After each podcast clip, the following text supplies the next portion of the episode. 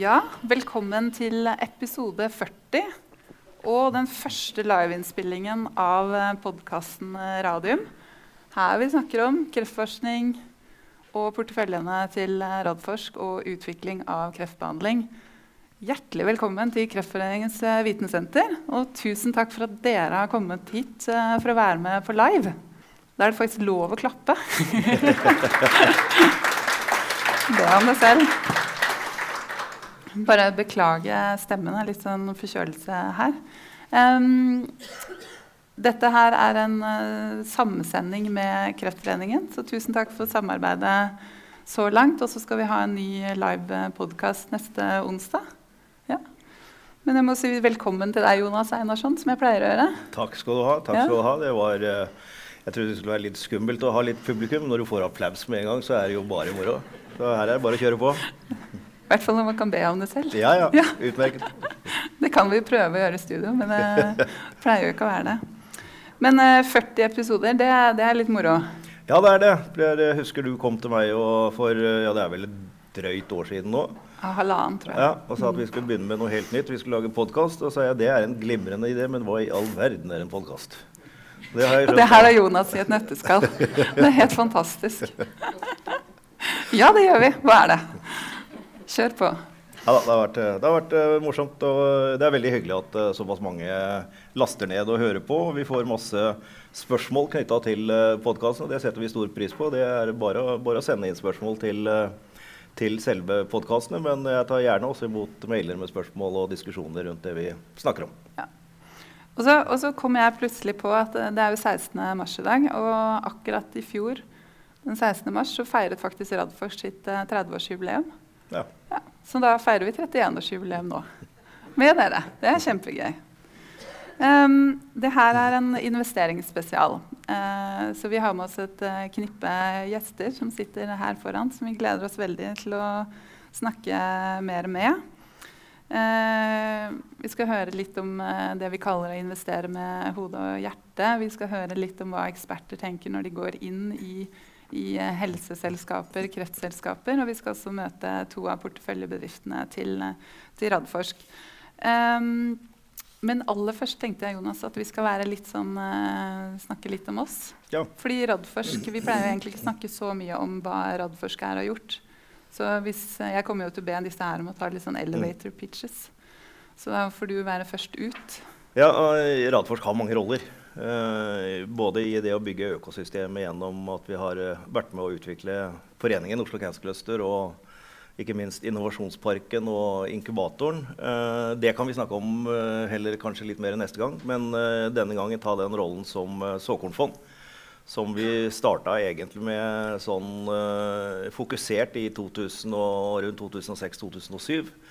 Uh, hvor vi bestemte at vi skulle ikke lenger være en Tech Transfer Office, men at vi skulle være et uh, Evergreen såkornfond. Og vi er jo en stiftelse, så vi har ikke noen eiere som skal ha ut utbytte. Det betyr at hvis vi selger oss ned i et selskap, så er det bare fordi vi skal bruke de pengene til nye og spennende selskaper og få dette til å, å sirkulere. Uh, vi kaller oss såkornselskap. Vi er både i pre-pre-såkornfasen, såkornfasen, venturefasen og til og med sitter i, i uh, børsnoterte selskaper. Så vi er på en måte med i hele, hele verdikjeden.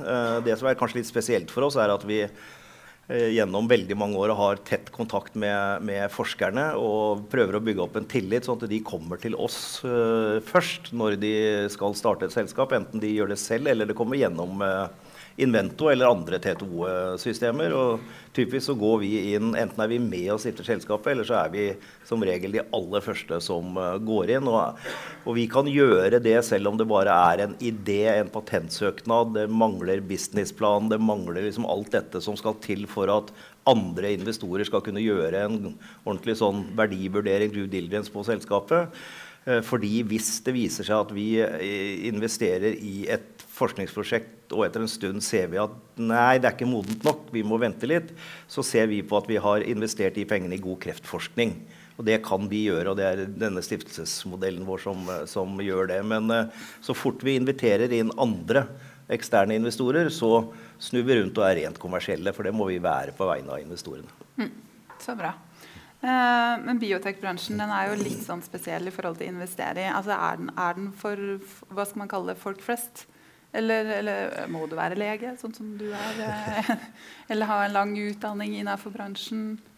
Nei. Eh, hvis man går inn i eh, et biotekselskap, og spesielt som utvikler legemidler eh, Nå er vi også et selskap innenfor IT hvor du ser at ting skjer veldig fort, og du finner i løpet av kort tid ut at dette er en investering som går i riktig retning. Men uh, innen biotek så, så, kan det ta lang tid. Det er svingninger. Alt er avhengig av kliniske data. Av og til så tar det lengre tid. Det kan være noen små hiccups med regulatoriske myndigheter. Det kan være et eller annet som gjør at en rekruttering starter litt senere.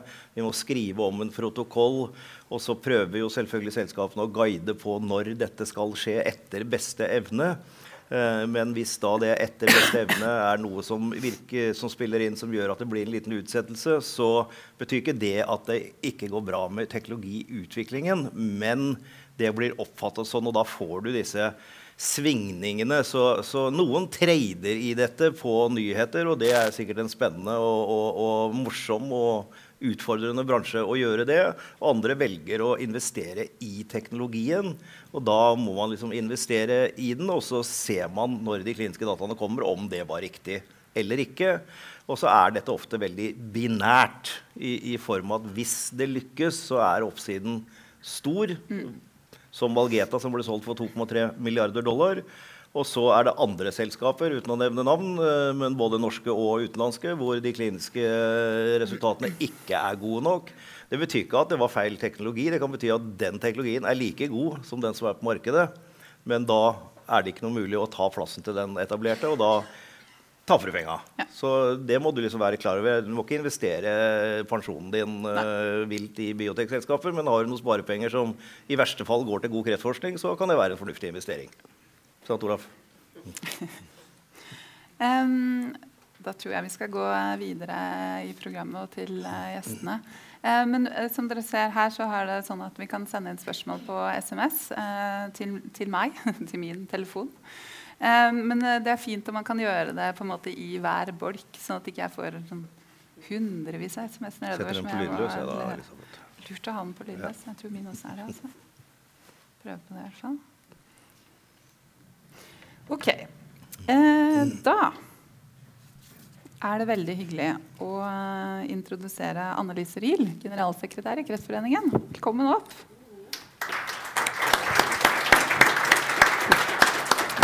Jeg sitter her for å se deg litt. Jeg kan vel ikke si tusen takk for at jeg fikk komme, for jeg, jeg bor jo egentlig her. Det var egentlig det jeg hadde tenkt å si. Det er veldig rart å si velkommen opp til deg, for vi er jo din uh, storstue. Mm. Kreftforeningens vitensenter. Her må vi jo bare oppfordre folk til å komme og, og etterpå også gå ned og se på installasjonene. Kjempefine. Så gratulerer med dette.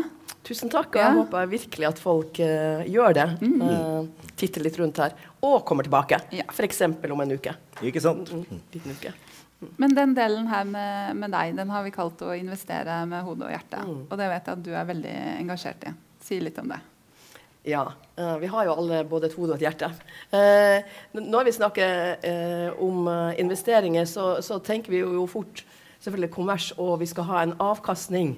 Um, og det er jo vi blitt utfordra på i Kreftforeninga i og med, at vi går inn med, med penger i selskap. Men det er nå sånn at et annet perspektiv som også er, som er, mer verdibasert, er jo at man tenker jo også over hva slags type selskap man ønsker å gå inn i, i den forstand at eh, ja, ta Oljefondet har jo etiske regler som betyr at de utelukker en del ting. Du utelukker tobakk, du utelukker noen, eh, våpenhandel, ting du ikke vil være i. Og så har du da på den andre sida selskap som eh, står for noen ting som du vet bidrar til en samfunnsnytte. Eh, og det kan være det grønne skiftet, det kan være andre ting. Hvor du føler at du også ønsker å være med og bidra til en samfunnsutvikling, og dermed satse på selskap som vil kunne gjøre en forskjell. Og det området vi snakker om her, er jo da helse. At det å kunne være med på å bringe frem eh, nye produkt, nye måter å behandle på, sånn at folk blir eh, raskere, friskere og kanskje overleve alvorlige sykdommer. Det i seg sjøl må jo være veldig motiverende, tenker vi. Så det, hvis vi klarer å snakke eh, når vi snakker ut i samfunnet eh, om eh, det å investere er både med hodet og hjertet, så tror jeg faktisk ganske mange flere også ville ønske å ta en sånn rolle. Mm. Eh, og som du sa, Dere er jo selv eh, investor. Eh, tre selskaper. Mm. Eh, Vaxibody skal vi høre mer fra etterpå med, med Agnete. Altså Ung Community og Lytix Biofarma. Eh, Vaxibody og Ung Community altså i, i mm. porteføljen mm. til Radforsk.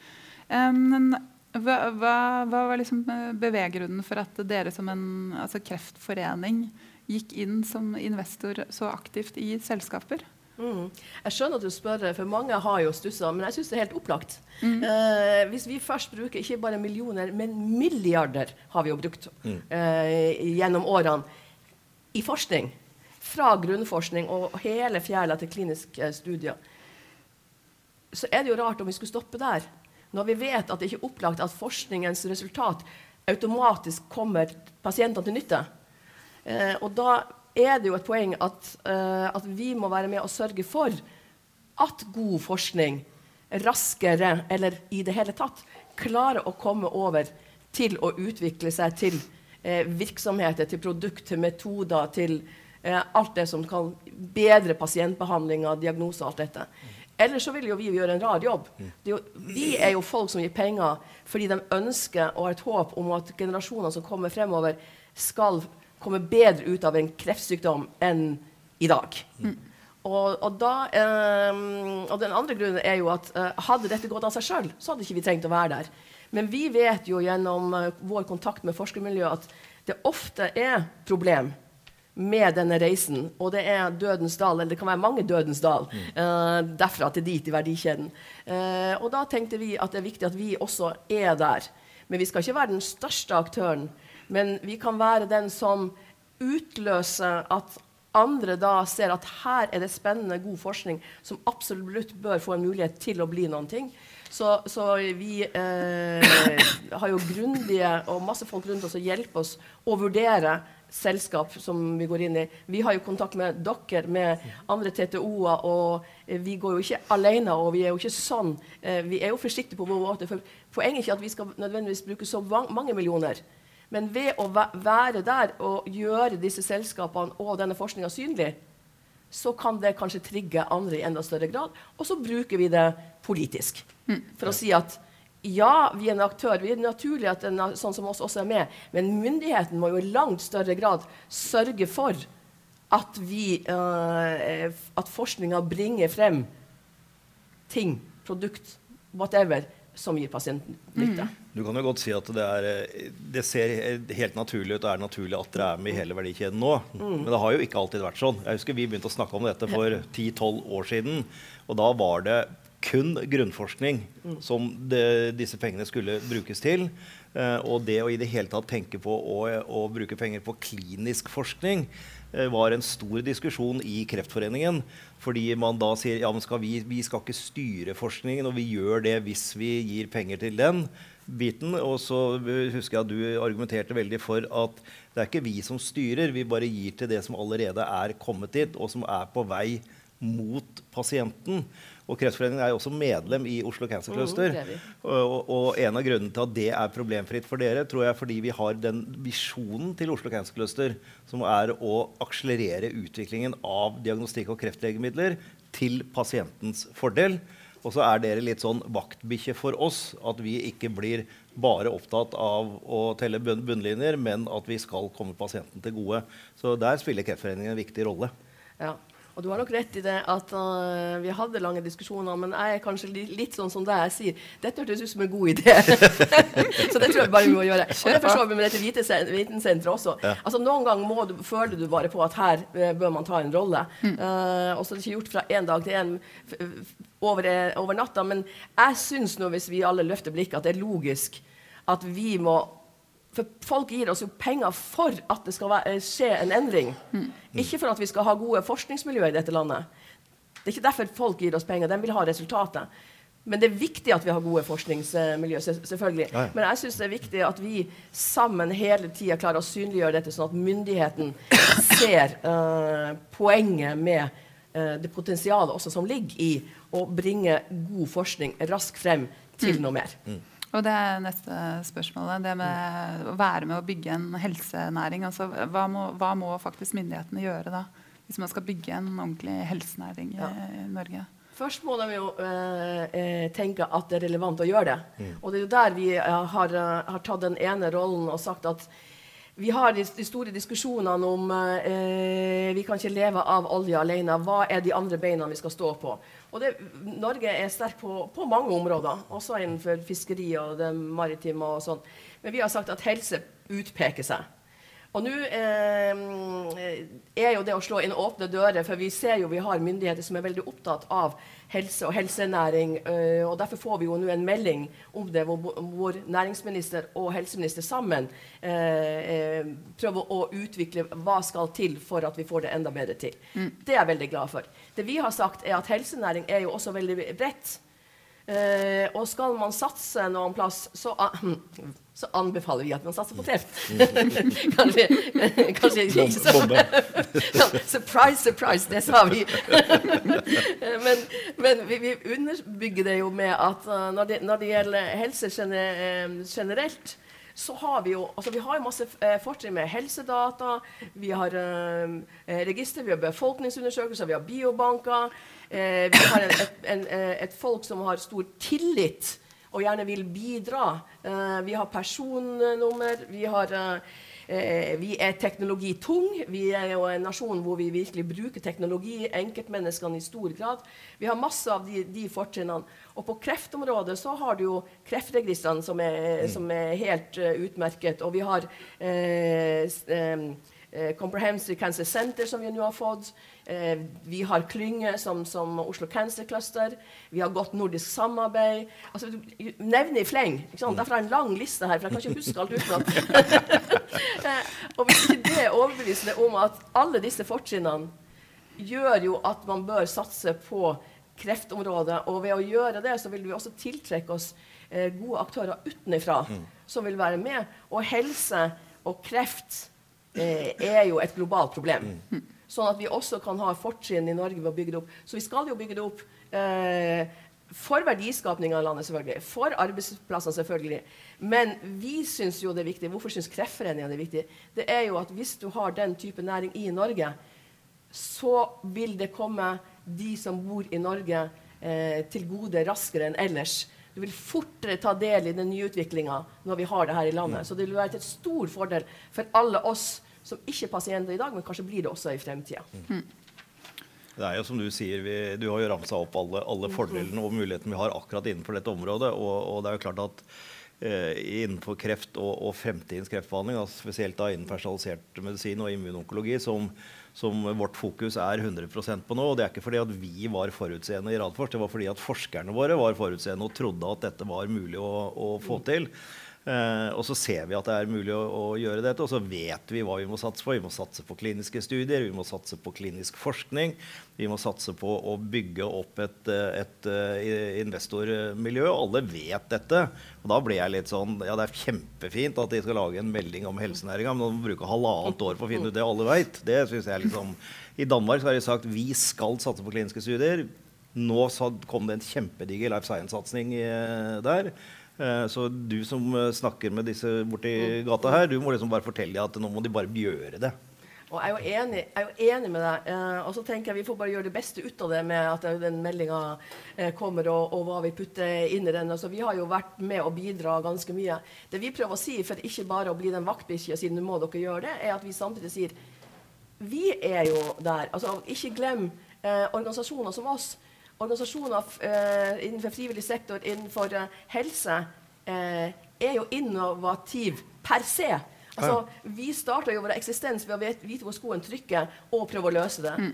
Og, det er, og, vi savner jo at man ikke mer ser det potensialet som ligger i at vi er en utvikler hele tida, ja. og en innovatør. Og det vi savner, er jo at uh, myndighetene skal tegne oss inn og si at her er, vi, her er, er, næringa privat sektor, der er frivillig sektor den type aktører vi er. Hvordan får vi dette her til å samhandle bedre? Hvor er virkemiddelapparatet som inkluderer oss? Mm. Uh, ikke bare at vi skal gi penger til noen, men hvordan kan vi få noen midler til å uh, videreutvikle den innovative krafta vi har, og være kanskje en fasilitator for, for å utløse det hos de andre partene. Mm. Og det savner jeg, og, og, det har vi pratet om til det kjedsommelige. Ja. og forhåpentligvis så står det et altså, kapittel om det i, i, uh, i denne meldinga som kommer også. ikke sant. Nei, det er jo riktig som du sier, for hvis nå mine opplysninger er riktige, så var det når uh, Kreftregisteret ble oppretta tidlig på 50-tallet, 52 eller 53, det er forskjellige tall å se der, Eh, så var det forløperen til Kreftforeningen, som eh, finansierte Foreningen til kreftens bekjempelse. Var ikke, ja, ja. Det, det, var det, om mammografi og en hel masse, men også sånn som Vitensenteret, men eh, kreftkoordinator vi, Vår eksistens er jo det. Hele tida å vite eh, hvor skoen trykker. Og selvfølgelig kunne vi vært bare sånn vaktbikkje på barrikadene og sagt mm. dere og dere må gjøre noe. Men, men, men, tilliten til oss er jo også for vi ønsker å bidra sjøl. Ja. Så, så der, der igjen liksom, Se det. Uh, og det, Derfor sier jeg det ut til uh, på en eter nå, gjør jeg ikke det? Jo, da, ikke, ikke akkurat nå, men i løpet av neste uke i hvert fall.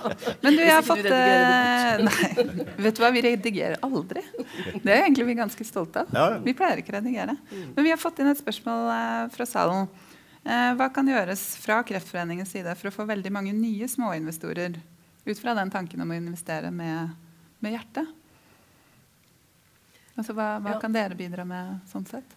Ja, litt egentlig det, det, jeg har sagt. Men jeg tenker jo at vi, vi, um, vi kan jo være med å snakke frem dette fordi at vi, um, vi snakker til andre typer miljø.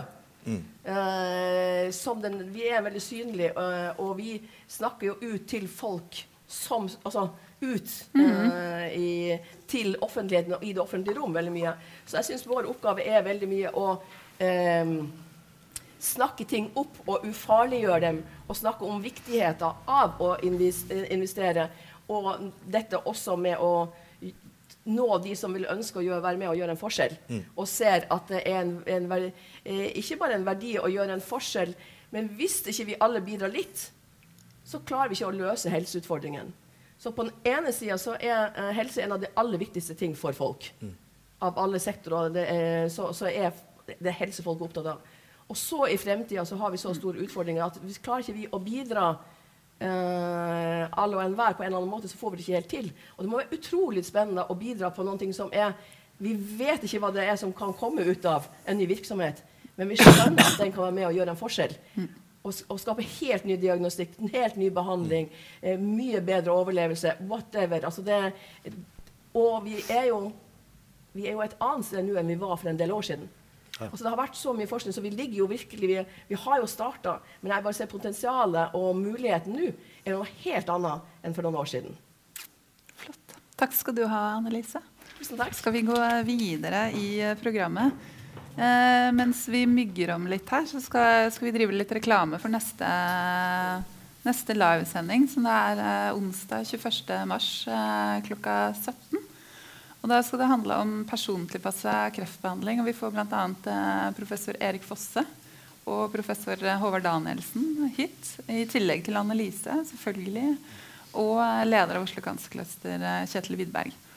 Um, men da tror jeg vi skal gå videre til ja. Eh, del to. Og nå er det ekspertene våre. Det er da Ingrid Teigeland Akai fra Heidi Wist og Hans Ivar Robinson fra Birk Venture. Velkommen opp.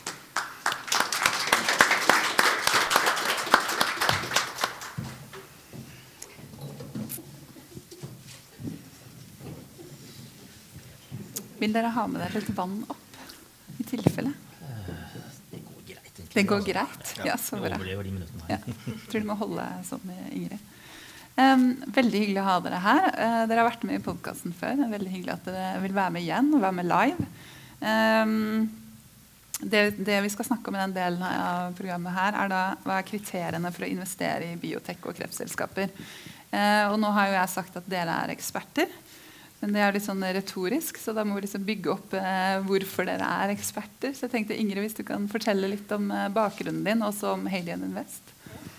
Ja, så um, Hadian Ventures er et uh, nytt life science helsefond. Uh, vi ble lansert i slutten av forrige år, um, i desember, så et uh, nytt fond. Um, men med et gammelt team. Vi har Eh, investert sammen i nesten ti år for et eh, stort globalt fond som er basert i London. Eh, og gjort samme type investeringer der som vi har tenkt å gjøre nå med det nye fondet. men da mer på en global basis. min, min, bakgrunn er fra klinisk medisin, så jeg har jobba eh, på sykehus både her i, i Norge og i, i, Storbritannia før jeg gikk over på investeringssida. Flott. Hans Ivar? Ja, eh, Vi Finch er et privat investeringsselskap da, som, eh, innenfor life science, som har spesielt fokus på uh, biotek og, og, gjerne de terapiselskapene. Eh, investerer da innenfor både i en tidlig fase, men også innenfor mer etablerte selskaper. Fordi det er et privat selskap, ikke noe fond, så har man det fleksibel i forhold til sånne type beslutninger. jobber tett med, med koinvestorer, bl.a. Radforsk. Og vi investerer jo veldig mye egentlig før børs i en tidlig fase. Følger selskapene over, over lang tid. Og Når vi går inn tidlig, så går vi også aktivt inn i selskapene. Er med å utvikle selskapene, jobber tett med koinvestorer, men også med selskapet i, en, eh, i utviklingen de første årene. Eh, min bakgrunn er fra den farmasøytiske industri. Jeg har jobbet i både større eh, farmaselskaper som eh, AstraZeneca, hvor jeg var i lang tid, Pfizer, Pharmacia, også mindre biotek som Pronova.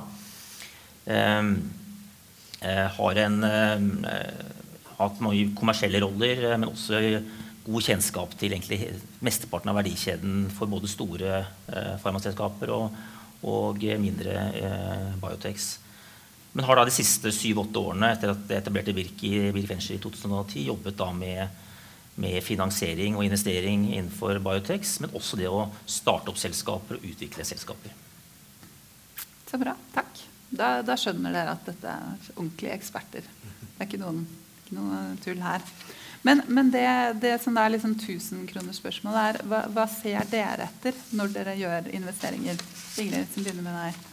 Eller hvilken fase du også fordi ja, det sa Hans, Hans Ivar kommer inn veldig tidlig. Mm. Du kommer litt senere inn, antar jeg. Litt, vi kommer eh, inn eh, litt, eh, litt senere.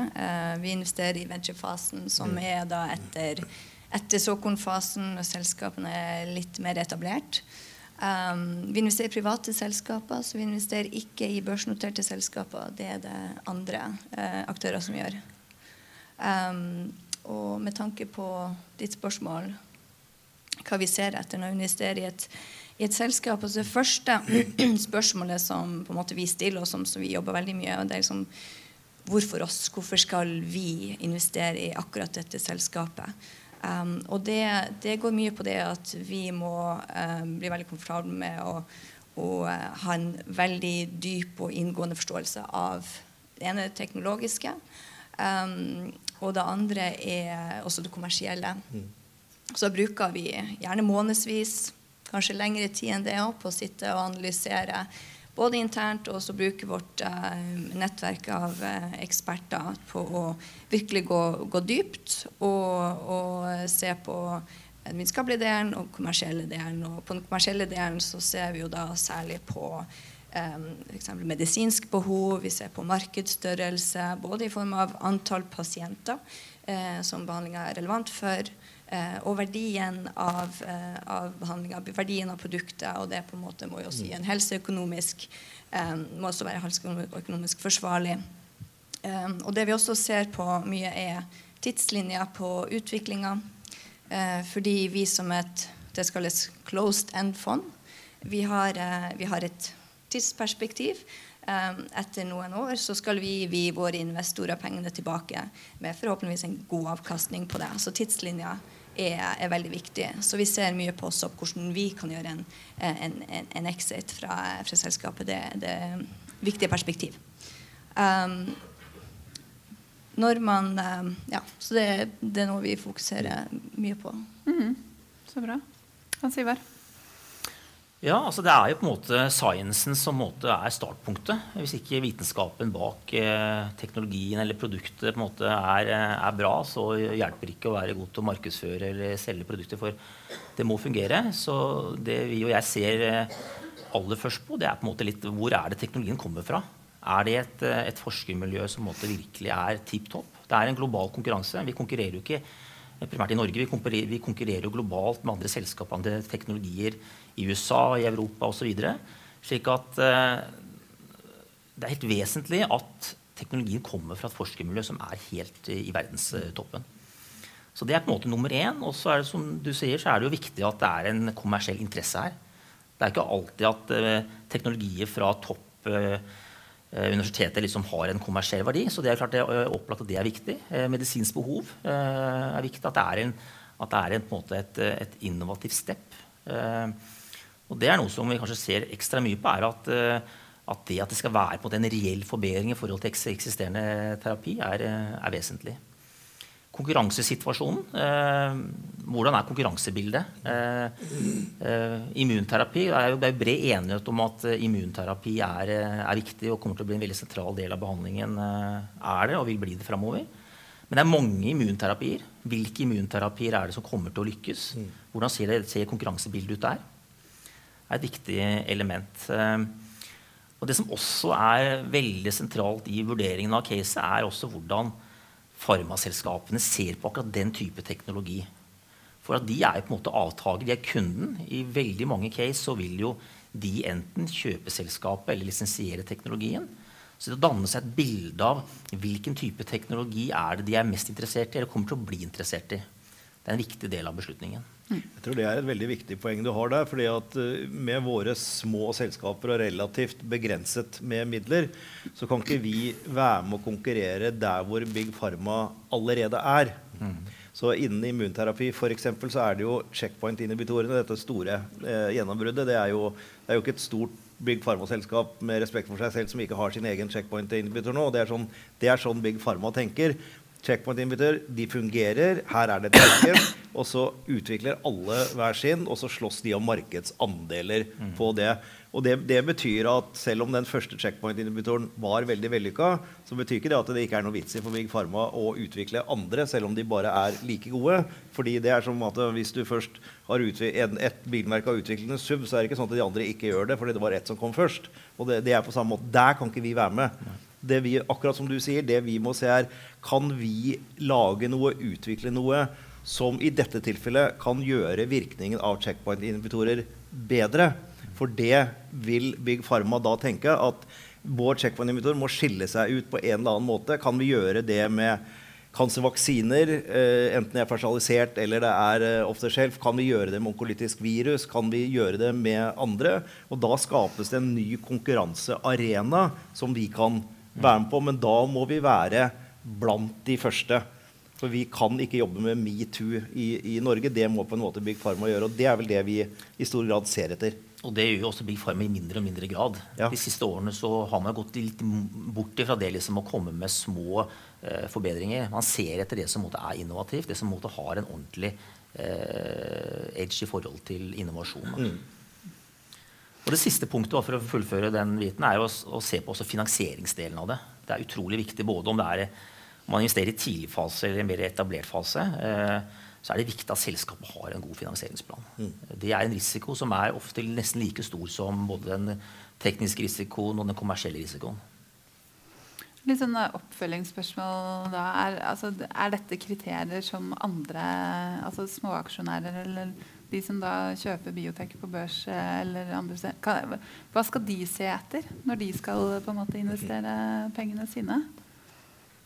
Ingrid? Um, det er, det er litt, eh, litt, annerledes å være privat eh, personlig investor. Altså, vi har jo et team som sitter og gjør analyser i, i månedsvis, og vi bruker et stort nettverk av eksperter som vi, som vi drar på. Så um, private personlige investorer har jo ikke tilgang til samme type informasjon. Nei. Så eh, jeg tenker at det viktigste når man skal investere privat, det er også eh, bli godt kjent med teamet og få en god magefølelse for teamet. At de kan, kan ta dette videre. Jeg tror det er på en måte en av de viktigste mm. tingene. Mm. Um, det andre, den andre faktoren som er vel så viktig, det er at man prøver å få en god forståelse for risikonivået. For innenfor, som du snakker om også, uh, in life science, uh, så kan det være veldig høy risiko. det behøver ikke å være det. Det er et stor, stort sprang fra den ene til den andre sida med tanke på risiko. Den, den misforståelse som ofte går blant folk, at alt in life science har veldig høy risiko, det stemmer ikke. Men det er, det er investeringer som har veldig høy risiko. Og det er ikke noe galt i å ta høy risiko. For det kan ofte gi veldig høy avkastning, så det er ikke noe galt i det. Men da må man bare være bevisst og klar over det, sånn at man kan allokere en mm. rett andel av sine sparepenger til sånne typer investeringer. Så det er ja, det tror jeg er viktig hvis du er privatinvestor, at du ser på hvilket tidsaspekt du setter for deg selv. Altså Er din investering close end, som det er hos dere, eller, eller er det mer evergreen? Vi, vi, tar dette loddet, og så legger vi det loddet i skuffen, og så ser vi om det går. Eller er det sånn at jeg vil vil ha, se om jeg kan få en exit, en avkastning, i løpet av eh, færre år. Og da må du se på hvordan det er med risikoen, som du sier. fordi at eh, jo mer data, kliniske data som kommer, jo lenger ut i utviklingsprogrammet selskapet er, jo mindre blir risikoen. Eh, men som regel så er da allikevel kan det være en stor gevinst hvis man kommer helt inn. Så man må tenke litt på tidsperspektivet òg, tror jeg, for sine investeringer. Absolutt. Og, eh, og, vi som fond selvfølgelig, vi har jo et veldig stort fokus på dette tidsperspektivet. Og, og, og, vi gjør, eh, gjør vår risiko og, eh, risikovurdering på et porteføljenivå, sånn at vi har en portefølje med en, en optimal avkastning og risikoprofil, sånn som, sånn som, vi vurderer det. Og man bør nesten tenke litt sånn også med sine sparepenger. Ja. Så er det viktig at man har en strategi. da, at man måtte bestemmer seg litt for liksom, hva er min, hva er min måte, strategi rundt det å investere i biotek. Og også tørre å stå på den. For det er som du sier, Jonas, at det går opp og ned. Og det, man bør unngå kanskje liksom å, å, la liksom kortsiktige hendelser påvirke den strategien. Så det å tørre å, å liksom stå litt i stormen eh, Det betyr ikke at man skal være ek ekstremt lang, langsiktig. Det er lov å gjøre en exit, det er lov å gå litt inn og ut. Men det bør være liksom myntet litt rundt en strategi. Og det kan man ha uansett om man er en profesjonell investor eller man måtte gjøre det litt mer på hobbybasis. Mm. Så bra. Jeg vil gjerne høre litt mer om, eh, om fondet, Ingrid. For dere har, er det rundt 1 milliard norske kroner som dere skal investere i nordiske helseselskapet, hvis jeg skjønte riktig? Ja, eh, vi er fortsatt fundraising, men vi har allerede veldig mye penger å investere. så det, mm. det er veldig bra. Um, vi har et europeisk mandat, men vi har en særlig fokus på Norden. Så vi regner med at mesteparten av våre investeringer kommer til å skje her i Norden. Og, og det stemmer det. Vi har uh, en ganske bred uh, helsefokus. Så um, vi investerer i utvikling av, av nye medikamenter, Medtech, digital helse også. Mm. Når kommer første investeringen? Vi får se. Vi får se. Ja, det kommer sannsynligvis ganske raskt. Mm. Spennende. Rett rundt hjørnet. Ja, jeg hadde håpa du skulle si det i dag, men uh, litt, litt, for mye å håpe på. um, og Hans Ivar, um, hvis jeg husker riktig, så starta det opp sånn ca. i 2010 med Birk. Det stemmer det. Og da også hadde du et litt sånn, du skulle ha et ganske bredt life science-fokus. Uh, mm. Men du har endt opp med mer eller mindre kreft kun kreftbedrifter i porteføljen? Ja, det stemmer. Eh, mm. I hvert fall sånn eh, nesten 100, 100, eh, og Om det er tilfeldig eller ikke, det, det, det er jo ikke tilfeldig. Det, man gjør ikke bare tilfeldige ting. Så, men når jeg startet opp Birk Venture, så var det også klart at, at, kreft og onkologi var jo et område som var viktig. Det var et økende medisinsk behov. Og ikke minst så var det en økende satsing fra Eh, fra Big Pharma ønske om å investere der. Så det var ganske åpenbart at det var et område som var kommersielt spennende, gitt at man måtte bygge det på interessant og spennende og innovativ eh, forskning. Eh, så det var ett element. Og det andre elementet er jo at i Norge så er jo kreft- og onkologiforskning noe som ligger langt fremme. Vi har jo miljøer, vi har jo Radiumhospitalet, Universitetet i Oslo. Vi har også miljøer i Trondheim og ikke minst Bergen som også er veldig bra innenfor, det, innenfor kreft. Slik at kombinasjonen av at kreft og onkologi globalt sett er veldig spennende, med at Norge står ganske sterkt der, er vel egentlig årsaken til at man har eh, gjort de aller fleste investeringene innenfor, eh, innenfor eh, onkologi så langt. Mm. Det blir det antibiotikaresistent uh, selskap ved neste, ikke sant, Annelise? Mm. Um, ja, jeg, jeg, altså, eh, onkologi er jo, er jo, veldig spennende. Jeg sier ikke det bare fordi vi sitter i Kreftforeninga, men eh, det er, det er, veldig mye som skjer innen det feltet. Og som du påpeker, spesielt her i Norge så, vi, så er vi veldig sterke på det området.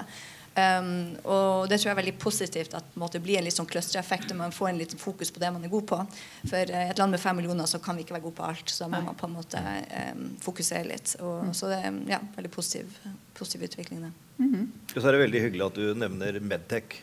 Fordi det er på en måte en annen område som Norge virkelig har gjort kjempefremskritt på. Det å følge, med, følge med, norsk Medtech de siste ti årene og se på kvaliteten av de selskap som blir presentert, som kommer ut fra Oslo Medtech og det miljøet nede i Forskningsparken, er imponerende.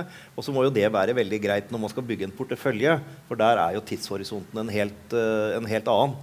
Eh, så jeg, det syns jeg er å oppfordre folk som skal, skal investere i denne sektoren og også se på Medtech, for det er, det er en spennende og selvfølgelig da IT og digitalisering i tillegg. Mm. Det er det andre feltet hvor vi ser eh, interessante mm. selskaper. absolutt. Mm. Vi har fått masse spørsmål fra salen. Veldig, veldig bra. Så jeg tror vi bare vi går over til den delen. Eh, første spørsmål er i hvilken grad dere vurderer patentbeskyttelse av oppfinnelsene? Altså det er i hvert fall innenfor Hvis du ser på terapiselskaper og legemidler, så er jo det helt avgjørende. Eh, det er det som er verdien av selskapet. Eh, slik at hvis du har en det man tenker er markedsbeskyttelse, og patentbeskyttelse er jo det som gir deg markedsbeskyttelse. Du kan jo ha orphan drug eh, designation, hvor du da får en markedsbeskyttelse i sju eller ti år, avhengig av USA eller Europa. Men, men altså, stort sett så er du, er du, helt avhengig av patentbeskyttelse. slik at hvis du ikke har det, så er det veldig vanskelig. Det må i tilfelle være hvis du får en, en, en, en sikker orphan drug-beskyttelse, som måtte kan eh, være unntaket. Det er også en av de tingene du ser på. For, for det første at den, den første patentet er, er, sikkert og står, og du vil helst ha et patent som er patent på selve produktet ditt. Eh, som, som, sikrer det. Men så, når du skal investere, og det er helt sikker på at i hvert fall dere gjør, når det kommer så langt ut i fasen, og det er å se hvordan er dette IP, altså patentarbeidet, i selskapet. Fordi dette med patentering tar aldri slutt. Altså det, det, det, jobbes med absolutt hele tiden for å beskytte det opprinnelige patentet. For å få nye patenter som da får forlenget levetid. Så, så det er en utrolig viktig del av vurdering av sånne selskaper. Ja, absolutt. Det er, helt essensielt innen vårt felt at det er en eh, gode patenter og en god patentstrategi. Og det er på en måte en av de første tingene vi ser på. Um, både internt, der bruker vi også eh, eksterne um, eksperter til å gjøre en god vurdering på det. helt mm. klart. Mm. Så bra. Neste spørsmål. Hvor tett følger dere som investorer med på regulatoriske myndigheter?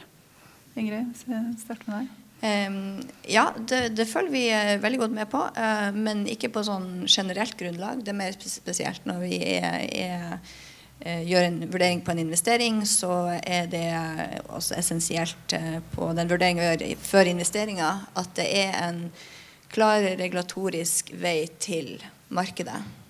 Um, for der, eh, der, kan også, der kan man ofte brenne seg. Man, uh, man, kan bruke mye tid på å vente på at regulatoriske myndigheter skal bestemme seg for hva de skal gjøre på et felt. Så, um, så, det er også veldig viktig at vi har god oversikt over det. Det er jo en ting som vi er veldig opptatt av at selskapet har mye kompetanse rundt. Uh, og vi er opptatt av at de bygger regulatorisk kompetanse sammen med kliniske uh, kompetanse ganske tidlig. Nettopp for å ha kontroll på de prosessene og kunne optimalisere de prosessene. Jeg tror også, i, i, tillegg til det gjør i hvert fall vi, vi prøver å følge veldig mye og nøye med også på det mer generelle. altså Hva rører seg i FDA? Hva rører seg i EMEA? Hva, hvordan utvikler det regulatoriske løpet seg?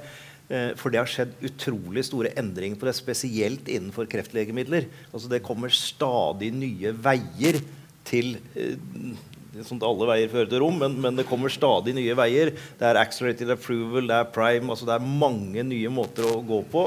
Og hele det regulatoriske løpet er jo under stor og sterk utvikling. Så dette med fase 1, 2, 3, tider og risikoer og sånt på det, det bildet har forandra seg totalt. Og det prøver vi å henge med og forstå. Det vet jeg dere gjør òg. Ja, ikke, ikke, alle veier fører til markedet. Det er, nei, det er, er, sant, det er sant nok. Så eh, nei, det, det, er helt klart det er mye som skjer der. Men um, altså, vi som på en måte har dette med snevre tidsperspektivet. Eh, vi er nok um, enda mer fokusert på at det er klarhet i det. Ja. Enn en dere som en evergreen. ikke sant? Mm. Dere har et annet tidsperspektiv. Så da kan man på en måte eh, Vi er litt mer sånn på tightere tidsplan, og da, ja. da liker vi å ha klarhet. Mm. Oppfølgingsspørsmål på det med regulatoriske. Altså, hva kan årsaken være til at selskaper feiler i den regulatoriske fasen når de har lykkes med kliniske studier? Altså Man vet jo aldri hva, hva FDA eller andre regulatoriske myndigheter eh, mener og vil. Det har man aldri kontroll over, så det er alltid en viss usikkerhet der. Mm. Så det spørsmålet er vel egentlig en måte å, å minimere usikkerheten. Eh, legge opp et løp som måtte har en stor sannsynlighet for at eh, eh man blir enig med myndighetene om. og måtte ligger også litt up front i forhold til din, den type dialog. Men det vil alltid være en viss usikkerhet rundt det. Mm. mm. Har du noe å tilføre, Ingrid? Ja, nei, altså det, det, Som sagt, det, det, det, er helt rett det at man vet aldri hva FDA um, eh, og EMA um, gjør.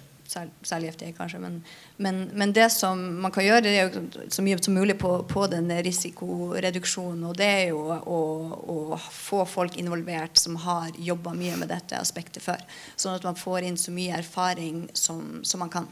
Ja. Mm få inn så mye informasjon som mulig. Absolutt. Ja. ja. Mm. ja og at man får uh, folk med erfaring inn i selskapet på, et, på, en eller annen måte som rådgivere eller, uh, uh, eller på annen måte. Mm. Kan du spørre Per etterpå hvordan denne prosessen er? det, er han. det er du ekspert på. Han sitter midt oppi det.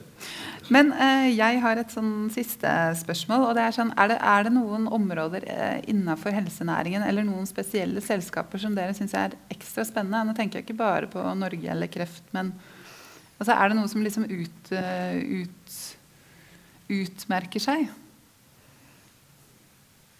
Nå ble det stille her. Nei, det er, jo, det er, det er jo, det er jo mange områder som utmerker seg. Eh, Eh, det er klart at Immunterapi eh, jo vært, er jo det som på en måte kanskje det er mest liksom, aktivitet rundt, snakk rundt, enormt mye studier som setter i gang på mange områder. Eh, nå har det vært veldig mye innenfor onkologi, mm. og det kommer til å fortsette. Men den, det med immunterapi kommer til å bli veldig relevant innenfor autoimmune sykdommer. Innenfor mange ulike autoimmune sykdommer. Og det tror jeg kommer til å bli kanskje the next wave. Altså. Jeg tror det blir bli en enorm aktivitet i de neste årene på det feltet innenfor immunterapi. Ja, Så du får en overføring fra den kunnskapen du har på immunterapi til ja. autoimmune sykdommer? Ja, det er, det er, jo like relevant i forhold til autoimmune sykdommer på mange måter. Ja.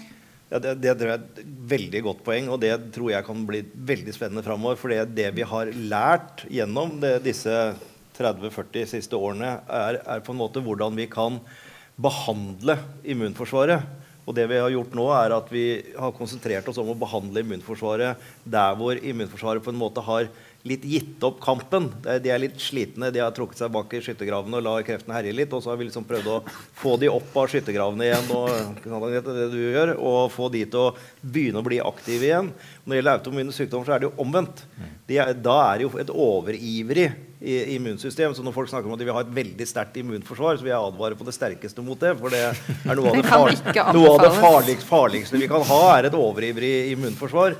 Og da kan vi bruke kanskje denne samme eh, tankegangen og all kunnskapen til å jobbe med det. Og det tror jeg kan bli et utrolig spennende felt fremover.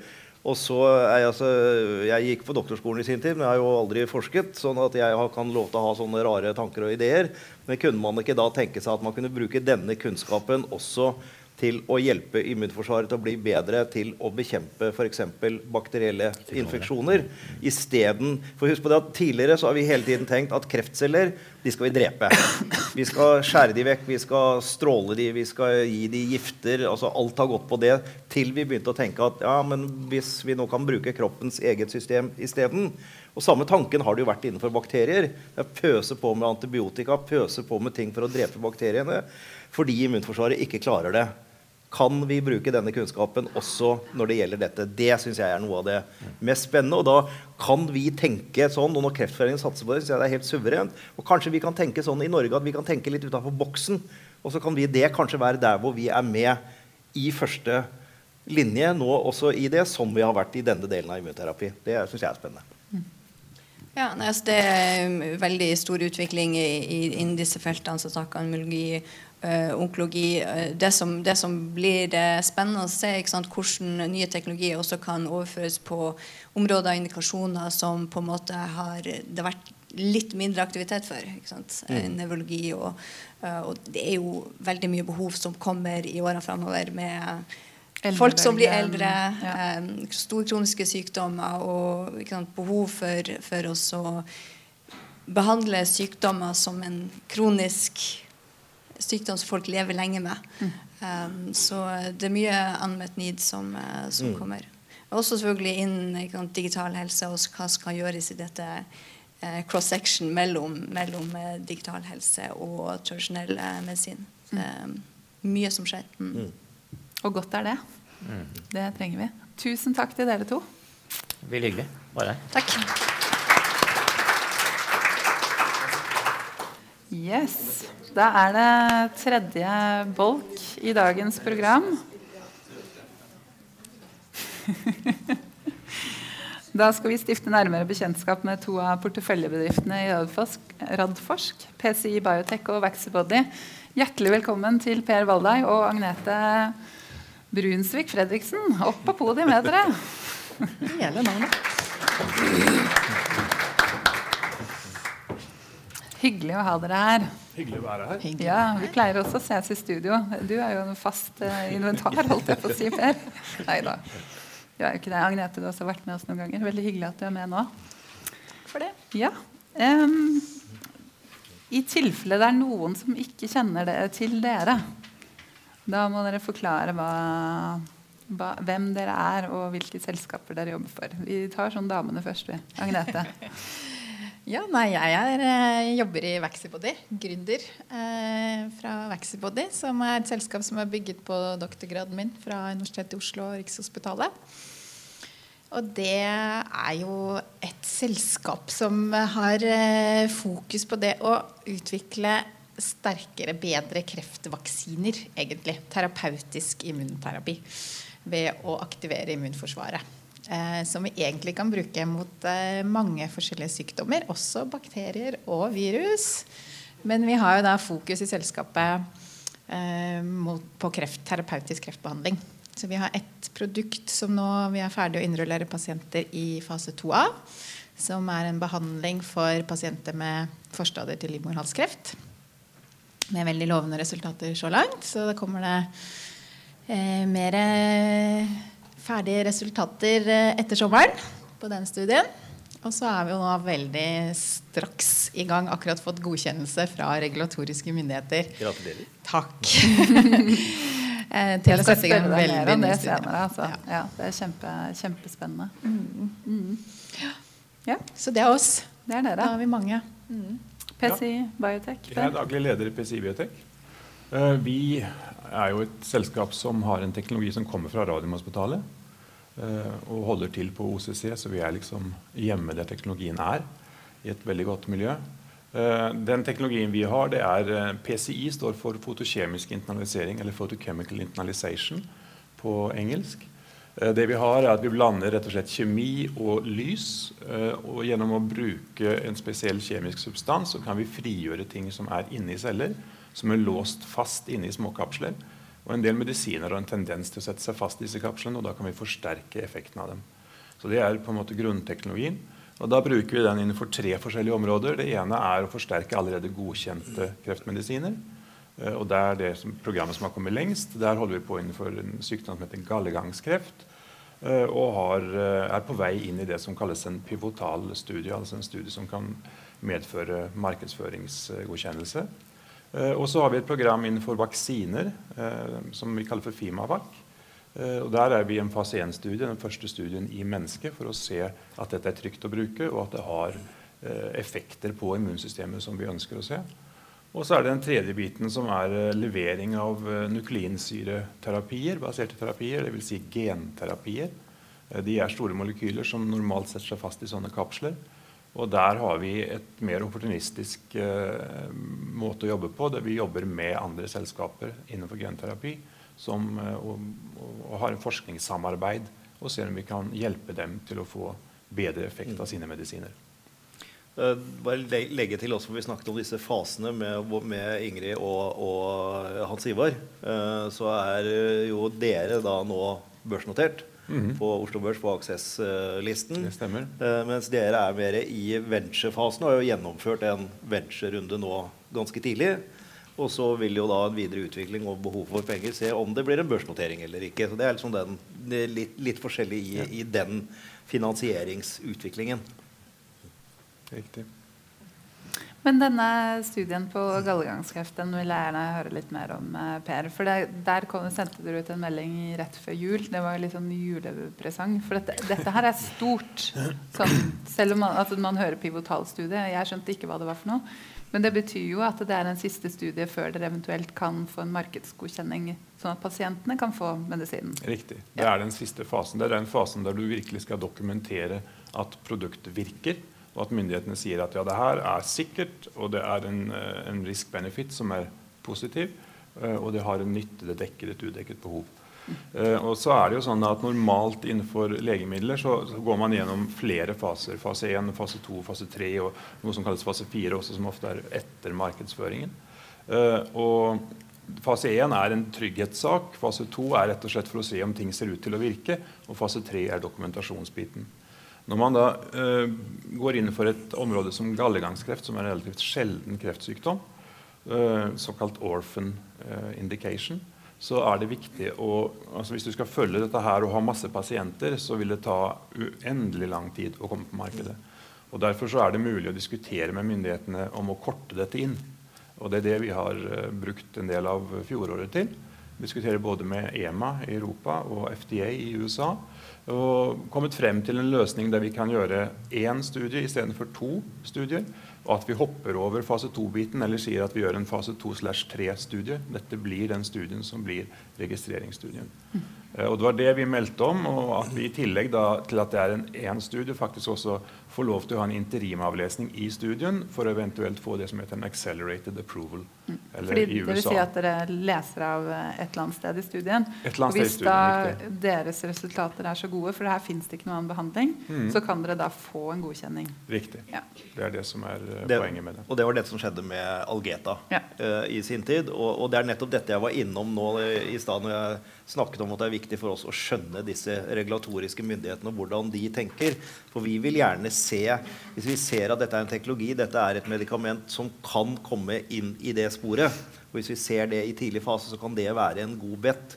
Og si at her er det ikke åtte år, men kanskje bare fire eller fem år før det kommer på markedet. Og da er det en viktig vurdering hos oss. Og da er nettopp dette med unmet medical need det, det, Og det er de som da jobber innenfor et felt hvor pasientene ikke har noe alternativ. Mm. Uh, og, og, hvis det virker da, så kommer disse regulatoriske mekanismene inn. Så, så, det er liksom litt sånn i forhold til det, siden dette er investeringsspesial, det å investere. Så det å forstå hvilke selskaper som har muligheter for å gå den veien, og hvilke som må gå den lange veien, det er en viktig avveining. Ja, absolutt. Og så er det viktig at selskapene er proaktive på dette. Ja. Og knytter til seg eh, god regulatorisk kompetanse, for det er svært viktig. Mm. Ja, de, de, de, smarte de uh, henter jo inn konsulenter som har jobbet ja. i FDA og EMEA tidligere Absolutt. og kjenner systemet innenfra. De smarte. Er det du som er programleder her, kanskje? Den er grei. Nei, vi er det, vi er det delt. Nei, jeg bare lurte på i forhold til Per bare, hvor, hvor er dere da nå? Altså, hvor langt har dere kommet i diskusjonene? og dere, dere er jo på børs, og hva kan dere si framover? Ja, altså det vi har, sist har meldt, er mm. at uh, vi hadde en uh, forståelse uh, det vi kalte for en common understanding med EMA og FDA rundt hva som trengtes, og at det er en åpning for en interimavlesning. Men at vi trengte mer diskusjoner med myndighetene for å få en god forståelse av hva den interimavlesningen faktisk betød. Mm. Hvordan den tas, hva slags endepunkter, og hva de krever. Eh, og de diskusjonene har vi da sagt i den meldingen at det, vi kommer tilbake når vi har fått av klarhet i det og fått gått gjennom det her med våre kliniske advisors, så vi vet hvordan denne studien skal se ut. Da vil vi komme tilbake til markedet. Kan du si noe om tidsperspektivet, eller? Imminent? nei, det er et ord jeg ikke bruker. Uh, nei, det vil ikke si for mye om, om, det akkurat nå. Det, det, har tatt lengre tid enn vi hadde håpet på. og for De regulatoriske myndighetene har faste tidsplaner. Men når det blir et, et, spørsmål som blir hengende igjen, som du må avklare etterpå, så kan du velge om du da skal uh, gå inn i en ny syklus med faste tider, som er ganske lang, eller om du skal prøve å få en såkalt clarification på det. Men de clarifications har heller ikke noen tidsfrister, så der kan FDA bruke hvor lang tid de vil. Okay. Uh, så, så der er det, det tar litt tid å få en del sånne avklaringer. Nettopp. Det er jo en uh, annen ting vi venter på også fra, fra, PCI, og det er jo resultatene fra denne extension-delen du kaller det, av Enhance-studien. Ja. Hva har dere sagt der? Altså det vi har sagt er at De resultatene skal vi få i løpet av første halvår. Uh, og det er en uh, For å forklare litt hva det er for noe. Vi har mm. altså gjort en fase 1-studie, en førstefasestudie i gallegangskreft og fått uh, veldig gode tumorresponsresultater. Og det som ser ut som lovende overall survival, selv om det er en liten studie for å se på survival, så ser det lovende ut. og det er gjort da med én behandling av vår teknologi. Og så vet vi at det er mulig å repetere den behandlingen. Så når vi da skal rett over i en registreringsfase, så vil vi gjøre en optimal behandling i registreringsfasen, for det er den som blir godkjent behandling etterpå. Godkjent regimen, for å si det sånn. Eh, og da har vi satt i gang en extension-studie der vi rett og slett gjør to behandlinger. Mm. Og det er først og fremst for å se at dette er trygt. Ja, det, det, er en safety-studie. Ja, det er en safety-studie. Ja. Vi kommer til å følge disse pasientene ja, ja. også på effekt, men det er først og fremst for å forklare til at det er trygt å gjøre to behandlinger. Og da kan vi uh, inkludere det i den pivotale studien. Så det går i parallell med alle disse andre avklaringene. Og så til deg, Agnete. For Dere sendte jo da ut en melding forrige uke. tror jeg det var. Dere hadde fått uh, godkjenning fra tyske myndigheter. Og, det, og det, den godkjenningen innebærer at dere kan starte den første studien noensinne av deres altså Vaxibody sin helt persontilpassede kreftvaksine. Altså, dette her er sånn nesten for godt til å være sant. ja, det er litt science fiction. Det er eh, ja, så dette må du forklare. spennende. Ja. Nei, man kan jo gjøre ting enkelt, men håpe, håpe, at det er effektivt. Det vi prøver på, er å gjøre ting eh, så fancy som mulig. Og med det håpet om at uh, dette virkelig skal gjøre en stor forskjell for uh, fremtidens kreftbehandling. Så uh, veldig ambisiøst prosjekt, prosjekt. Veldig krever at uh, vi samarbeider på tvers av alle disipliner internt. Og har de riktige menneskene. Og det er jo det som er veldig gøy i Vaxipody mm. nå. Da. Vi har jo en fantastisk gjeng som jobber uh, med hodet og hjertet, vil jeg påstå, for å få dette i gang. Og så er jo dette som du sier med regulatorisk, det å gå inn på et så nytt felt. Hvor vi skal for, lage for er dette, er dette gjort før? I det hele tatt? Altså, dere, eller har dere konkurrenter som jobber med noe tilsvarende? Ja, så Det er noen få kon konkurrenter. Det er jo altså, det er alltid konkurrenter. Men innenfor dette feltet er det mye færre konkurrenter enn det pleier å være. Fordi at du er nødt til å ha Vi skal jo lage én vaksine for hver eneste pasient. Så når mm. vi nå får uh, første pasient nå innen veldig kort tid, håper vi, uh, så skal jo ikke den få behandlingen fra dag én. Da skal vi jo ta prøver fra pasienten prøver fra kreftcellene og prøver fra friskt eh, vev til samme pasient, og virkelig kartlegge hva er det som er eh, helt kreftspesifikt hos bare den ene pasienten. Så du kommer inn som kreftpasient, og noen har lyst til å lage noe som bare passer deg, mm. helt skreddersydd til bare deg. Men da er det jo da et lite tidsperspektiv imellom der, hvor vi lager den vaksinen. Eh, og det er mange involvert i den prosessen der, og alt skal gå på skinner. Og så skal da kreftpasienten få behandlingen, da, som blir eh, noen uker senere. Mm. Eh, og for å kunne gjøre det, så må du jo ha en teknologi hvor du kan lage denne vaksinen raskt og effektivt, og at det skal fungere hver gang, egentlig, uten at du kan holde på i årevis å optimalisere formuleringen til denne vaksinen. Og sånn. Og derfor er det veldig få konkurrenter som kan gå den veien. Hvis du skal lage en uh, influensavaksine, så kan du holde på i tolv år på lappen og optimalisere dette produktet opp og ned og bort og fram. Og likevel bomme dem. Og likevel bomme, ja. Eh, mens det kan du ikke når du har hver pasient. Og der har vi jo en unik eh, teknologi som, som gjør at vi kan gjøre dette eh, raskt og effektivt. Og kostnadseffektivt også. Ja, for det var neste spørsmål. Det høres så dyrt ut. Ja, eh, det er jo litt av det som er fordelen for oss. da. At mm. altså, Dyrt det blir jo Det koster jo ikke tre kroner å lage en sånn vaksine. Men, eh, men det er veldig få andre teknologier som kan gjøre det på en kostnadseffektiv måte. Mm. Så det vi kan. Og likevel ha en sterk effekt. For det er jo det vi har sånn, Grunnprinsippet, teknologien til Vaxipodi, er jo denne målstyringen vi har. Så istedenfor å gi vaksinen inn i kroppen og håpe at eh, den finner fram til de rette cellene, eh, så har jo vi en måte hvor vi får til at vaksinen uh, tiltrekker seg og aktiverer og finner fram til akkurat de optimale cellene inni kroppen. da.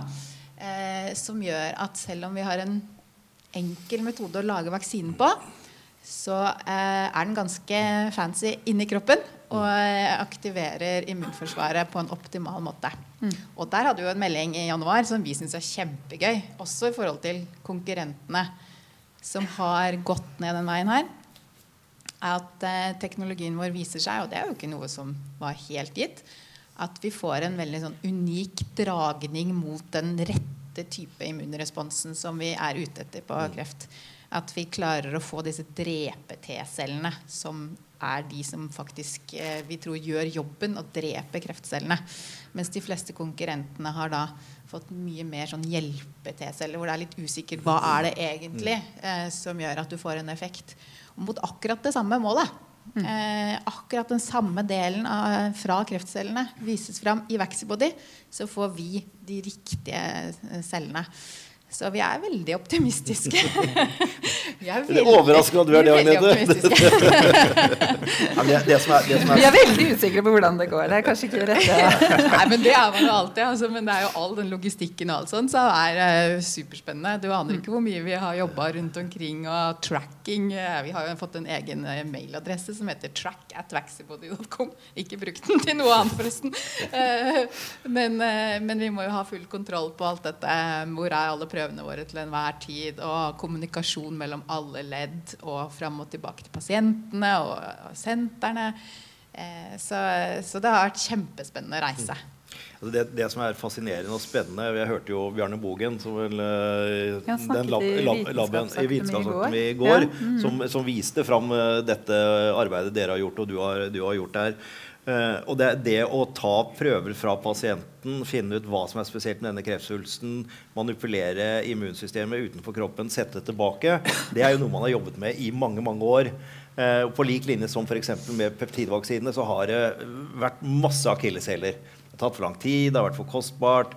Uh, du har klarer å dyrke opp de rette T-cellene, men de gjør ikke jobben sin når de kommer tilbake. Og så er liksom dette arbeidet som dere har gjort over så mange år, har liksom vært å se ja, men hva var det som gikk feil der på den, det området.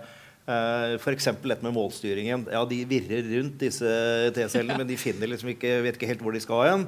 Da må vi hjelpe de til å finne, finne veien, og da, da er det den målstyringen dette tar altfor lang tid, er for kostbart, som Provence og, og, og, det. Og så sier han ja, nei, men da må vi lage en, et opplegg som gjør at dette går raskere og billigere, hvis det skal være mulig å få det kommersialiserbart i tillegg. Og så er det denne regulatoriske biten, som er jo selvfølgelig er en stor utfordring. Altså dere, dere, dere lager jo et nytt produkt hver gang, og dere kan liksom ikke gå gjennom tre faser med det produktet.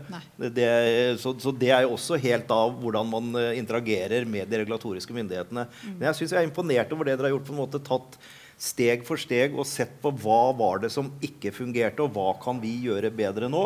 Og forhåpentligvis så har dere da funnet den pakka. da. Ja, altså vi, vi føler jo det at uh, man får jo kritiske spørsmål hele tiden, men vi føler at vi kan svare på alle disse spørsmålene. Da. Eh, så eh, det gjenstår jo å se hvor effektivt dette blir i, klinikken, og hvor mange problemer vi får underveis i denne produksjonen. Men, eh, men vi, er, vi, tror at vi er veldig på rett vei i forhold til å faktisk finne noe som hjelper kreftpasientene til slutt.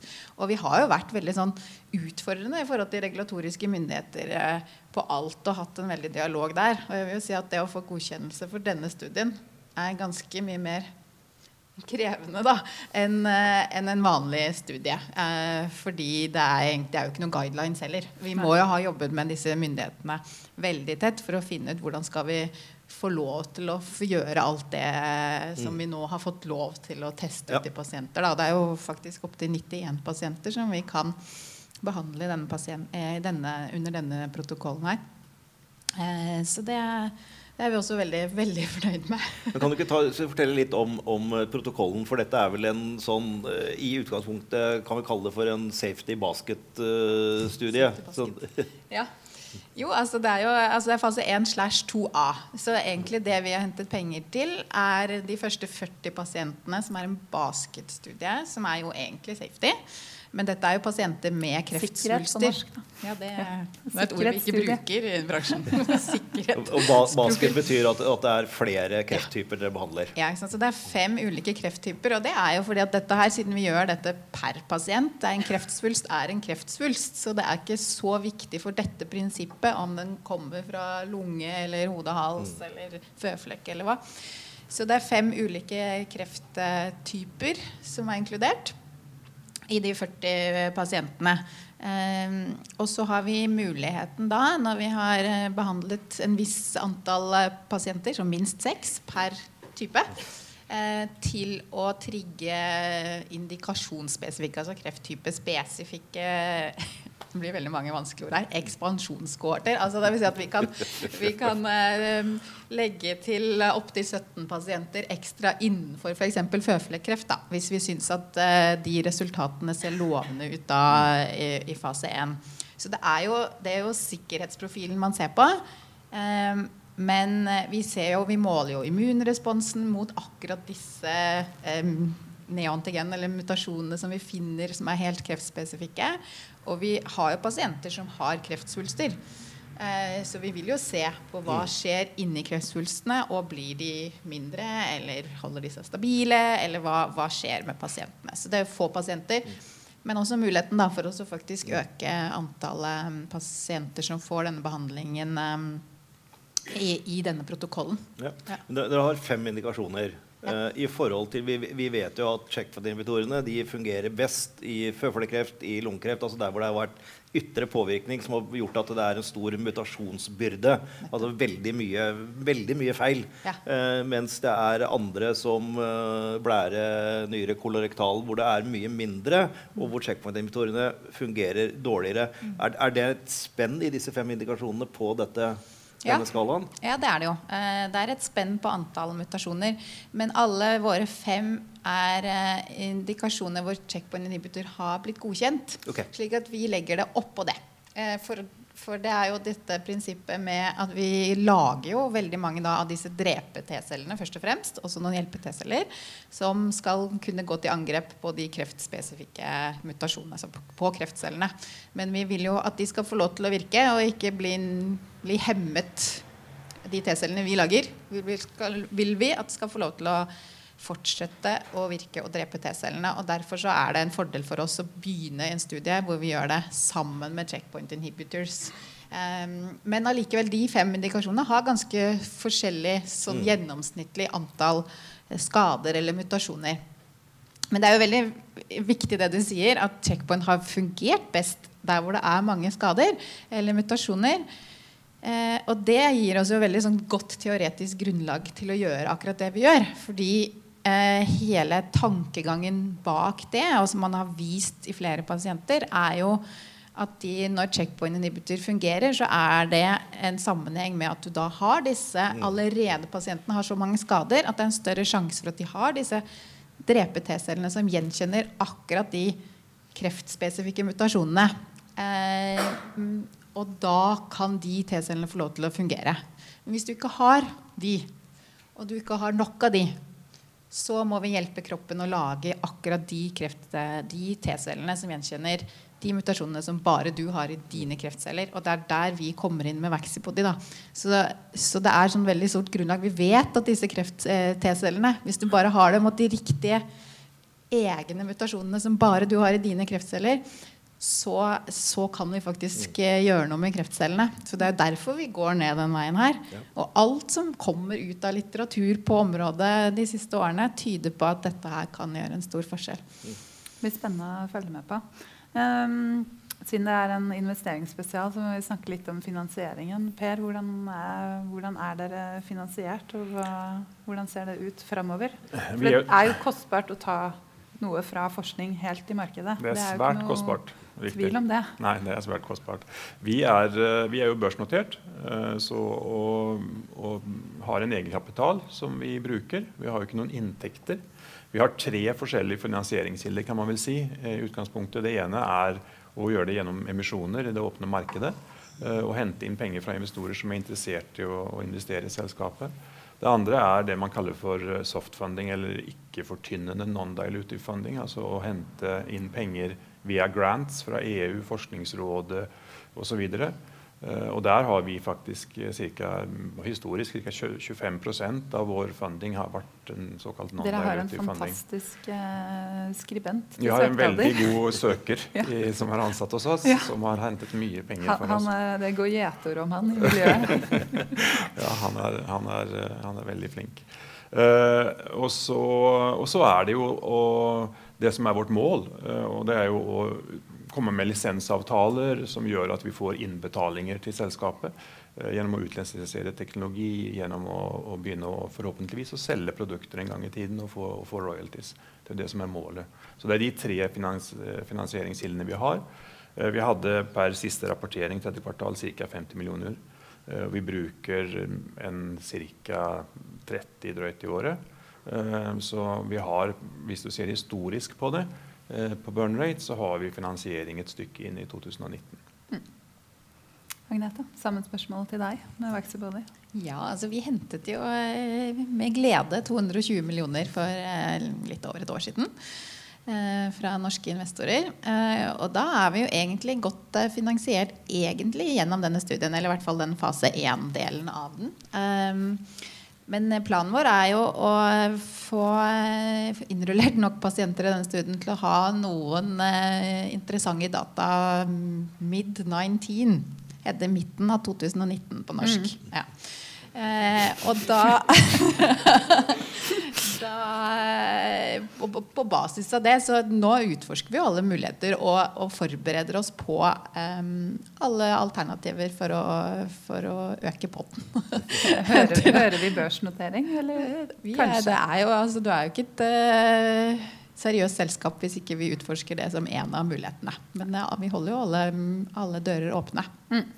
Bare legge til sånn, og det er mer, mer generelt, at uh, i alle disse selskapene våre som er i den fasen Voxybody er nå, så bør de være rigga sånn, og det er en masse med regnskapssystemer å gjøre og masse forskjellig, sånn at de, de kan gjøre en børsnotering hvis styret og eierne mener at det er strategisk. Eller man kan si at nei, vi vil gjøre en emisjon isteden, men man må alltid være åpen for alle muligheter. Og så er det markedet som styrer veldig mye hvilke avgjørelser man tar når i forhold til finansieringen. Mm.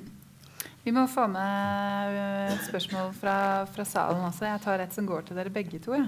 Og det er, eh, har, Opplever dere at investorene forstår uh, selskapene deres og hva dere gjør? og og så er det noen vanskeligheter med investorene.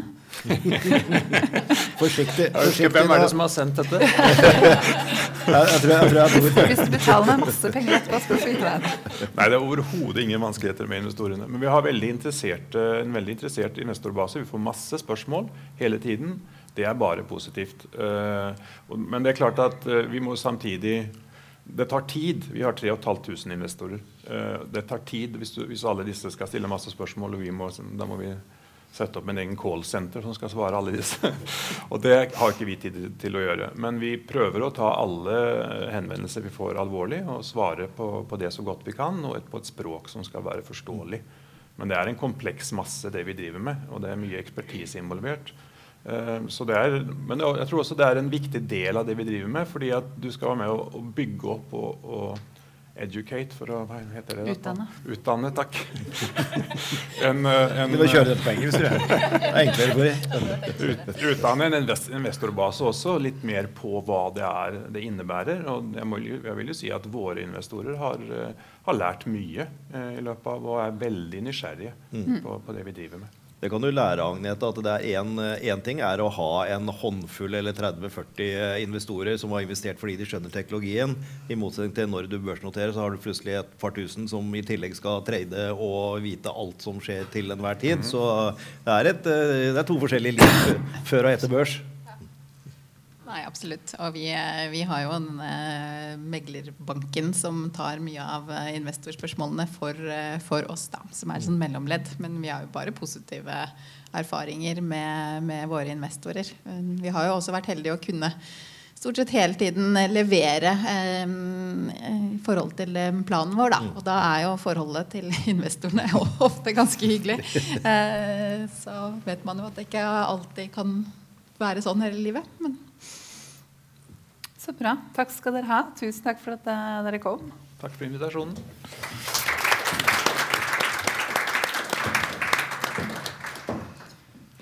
Skal vi ha noe oppsummerende ting, eller? Altså, vi har jo i forhold til hva vi pleier å gjøre, så er vi bare fem-ti minutter på overtid. Vi, vanligvis så ja, pleier vi å snakke oss bort eh, halvtime. Så det, vi har vært veldig disiplinerte. Ja, disipliner, ja disiplinerende å ha et publikum, publikum, som følger med, istedenfor at vi sitter bare og småpludrer pludrer for oss selv. Nei, men altså, jeg syns dette har vært uh, veldig spennende. Jeg er veldig glad for at uh, så mange uh, på en fredagsmorgen tok seg tid til å, å komme. Vi gjør dette da i samarbeid med, med, Kreftforeningen fordi vi mener at dette også er en, en del av kunnskapsformidling. Å fortelle hvordan vi tenker, hvorfor vi gjør dette. hvorfor det er viktig at vi også bygger et miljø rundt dette i Norge. Ikke bare forskningen, men også siden dette er en investeringsspesial, at vi, at vi, bygger opp et miljø av folk som er interessert i å hjelpe oss å utvikle, utvikle dette. Så det har vært veldig spennende. Så bra. Da, da, har jeg sånn takketale hvor jeg skal takke masse mennesker. Takke Kreftforeningen og samarbeidet med Liveli og Tilde. Takke Ragnarok Studio, som sitter og kjører teknikken, og som også passer på å få dette ut. Eh, til de som ikke har hørt podkasten eller lurer på hvor den er, så fins den på noe som heter Akast og Soundcloud, eller dere kan gå inn på nettsiden til Radforsk, radforsk.no. Eh, denne her tror jeg vi skal prøve å legge ut i løpet av neste uke, hvis de gutta borti boksen nikker. Ja, de nikker. Så vi prøver oss på det i løpet av neste uke. Um, og så gjenstår det egentlig bare å si takk for oss, og vi kan, skal vi si god helg? Ja, jeg skal, jeg skal, rett på hytta. så jeg sier gjerne god helg. Ja, da sier vi det. God helg. Takk for at dere kom.